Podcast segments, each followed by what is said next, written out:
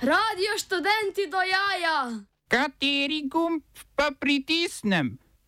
Tisti, na katerem piše OF. Na italijanskih lokalnih volitvah upad podpore gibanju petih zvest. Etiopski parlament potrdil mandat novega starega predsednika vlade Abija Ahmeda.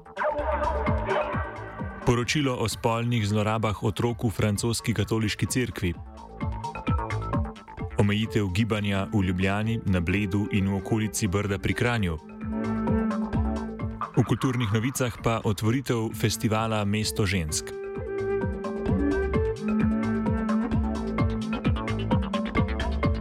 Pozdravljeni. Po dosedaj znanih rezultatih lokalnih volitev v Italiji, ki so potekale v nedeljo in včeraj, trenutno najbolje kaže levo-sredinski skupini strank, ki jo poleg večje demokratske stranke tvori še pet manjših parlamentarnih strank.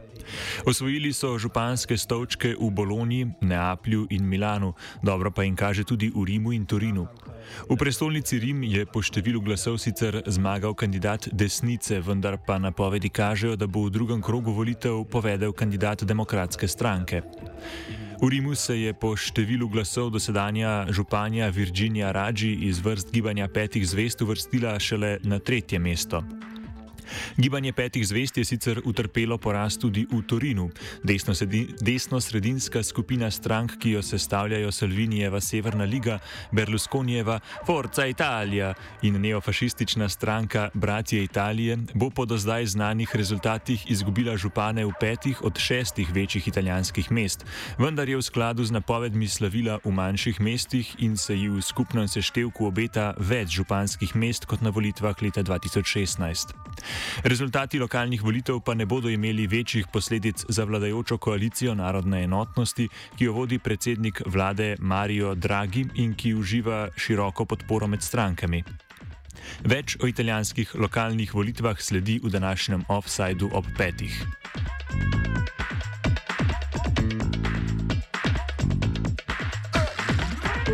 Lokalne volitve so potekale tudi v Gruziji. Vladajoča stranka Gruzijske sanje je sicer prejela skupno slabih 47 odstotkov glasov in tako za dobrih 15 odstotkov prehitela opozicijsko stranko Združeno narodno gibanje, ki jo je ustanovil nekdani predsednik Gruzije Mikhail Sakašvili. Ta je bil sicer v Gruziji zaradi zlorabe pooblastil v osotnosti obsojen na zaporno kazen. Zaradi obtožnice je pobegnil v Ukrajino, kjer je bil kasneje imenovan za guvernerja Odese, a so ga zaradi spora z nekdanjim ukrajinskim predsednikom Porošenkom izgnali. Kasneje, potem ko se je spoprijateljil s takrat novo izvoljenim predsednikom Volodomirjem Zelenskim, se je vrnil v Ukrajino. V gruzijski predstolnici Tbilisi nobeden od kandidatov ni dosegel dovolj glasov za osvojitev županskega stolčka, zato bo sledil drugi krok volitev. Lokalne volitve je sicer nekoliko zasenčil Sakašvili, ki se je nepričakovano vrnil v Gruzijo, da podpre opozicijsko stranko Združeno narodno gibanje. Ob vrnitvi v Gruzijo je bil aretiran predsednik vlade Irakli Garabišvili, pa je napovedal, da bo moral Sakašvili odsedeti vseh šest let zapora, na katerega je bil obsojen med svojo odsotnostjo.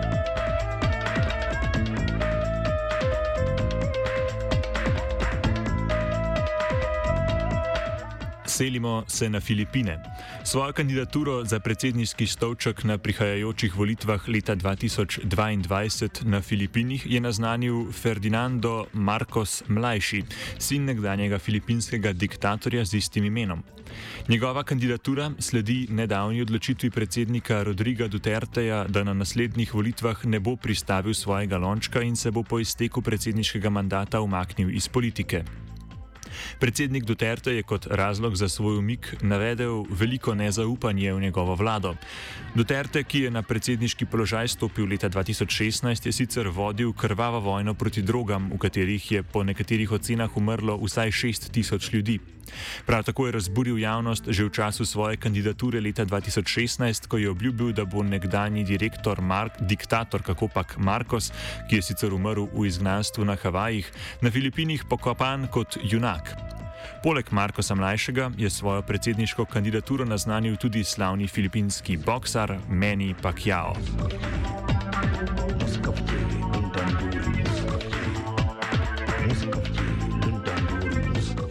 Za zdaj kaže, da za novi mandat predsednika vlade v Etiopiji znanje borilnih veščin ne bo potrebno. Etiopski parlament je namreč po rezultatih drugega dela parlamentarnih volitev potrdil nov mandat aktualnega predsednika vlade Abija Ahmeda. Prvi del volitev je potekal junija letos. Abijeva stranka Blaginje je takrat osvojila 410 od 547 sedežev v etiopskem parlamentu. Drugi del volitev je v določenih okrožjih potekal konec septembra, saj jih zaradi varnostnih groženj in logističnih težav ni bilo moč izvesti že junija letos. Uradni rezultati sicer še niso znani, ne morejo pa znatno vplivati na razporeditev sedežev. Parlamentarne volitve v Etiopiji bi se sicer morale zgoditi že lani avgusta, saj naj bi mandat Abije bi vladi potekal lanskega oktobra. Etiopski parlament je takrat izglasoval, da se volitve premaknejo za eno leto kot razlog pa je navedel epidemijo virusne bolezni COVID-19. Zakasnele volitve so še dodatno zaostrile napetosti med Tigrajsko osvobodilno fronto in Abijevo stranko Blaginje, ki je na zadnje sprožila vojno v Tigraju. Abi ima v zvezdni državi Tigraj izredno nizko podporo, tokrat pa parlamentarne volitve tam sploh niso bile izvedene. Tigrajci so lani, po odločitvi Abijeve vlade, da volitve zamakne za eno leto, sami organizirali parlamentarne volitve, na katerih je z 98 odstotki glasov zmagala Tigrajska osvobodilna fronta. Abi je volitve razglasil za protipravne.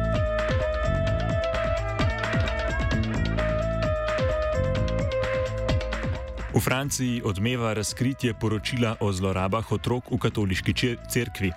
Poročilo je objavil posebni odbor, ki ga je ustanovila francoska katoliška cerkev leta 2018 kot odgovor na škandale v zvezi s spolnimi zlorabami v Franciji in drugot.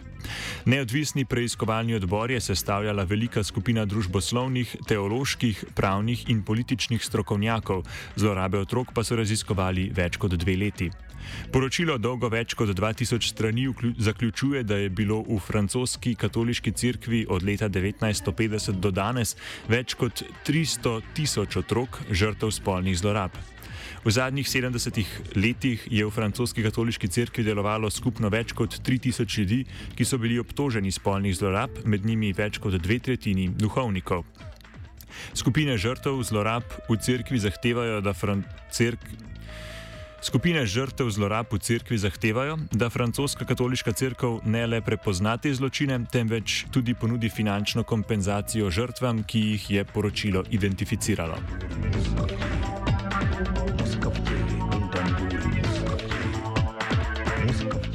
Družbeno omrežje Facebook spet pretresajo nova razkritja žvižgačev.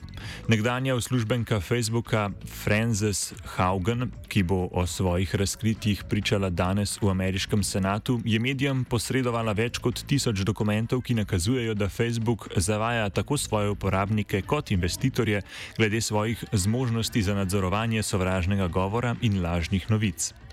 Haugen je svojo identiteto razkrila šele v včerajšnjem intervjuju za medijsko hišo CBS.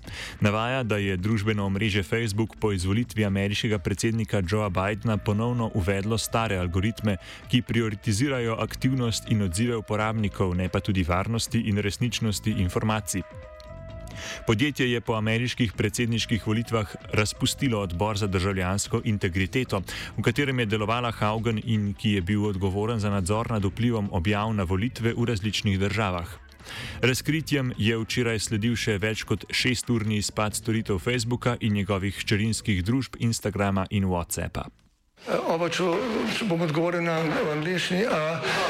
Slovenija bo poskušala pomagati. Slovenija bo naredila naš utmost, da bo rekla, da je situacija naš problem, naš sebe.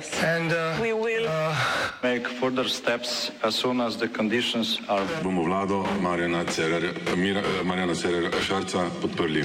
Very, very serious. From Slovenija. We know how and we will. V Ljubljani, na Bledu in v okolici Brda pri Kranju danes velja omejitev gibanja. Vlada je ukrep sprejela zaradi vrha EU Zahodni Balkan, ki poteka danes, in protesta proti pogoju PCT, ki ga je za danes ob 3. uri na Trgu Republike napovedal sensej proti cepilcev Zoran Stevanovič.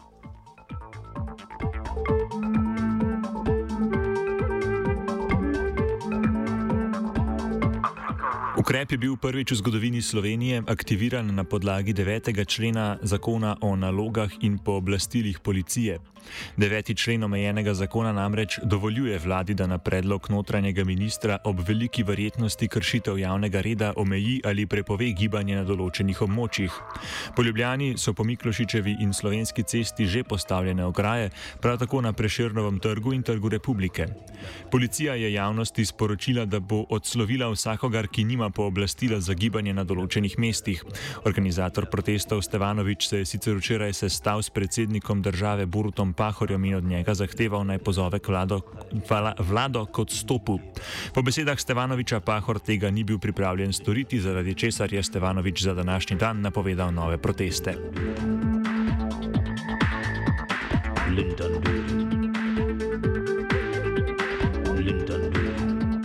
Upravno sodišče je odpravilo sklep vlade glede imenovanja delegiranih toživcev Tanje Frak, Eler in Mateja Oštirja. Sodišče je zadevo vrnilo v ponovni postopek. Toživca sta v skupni izjavi sporočila, da sta zadovoljna z odločitvijo, slednjo pa so pozdravili tudi na vrhovnem državnem tožilstvu.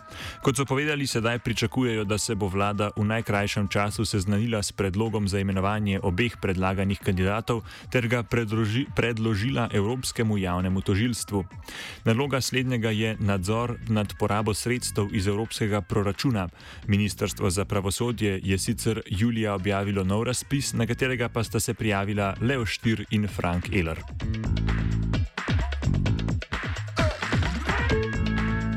Off je pripravila Lana.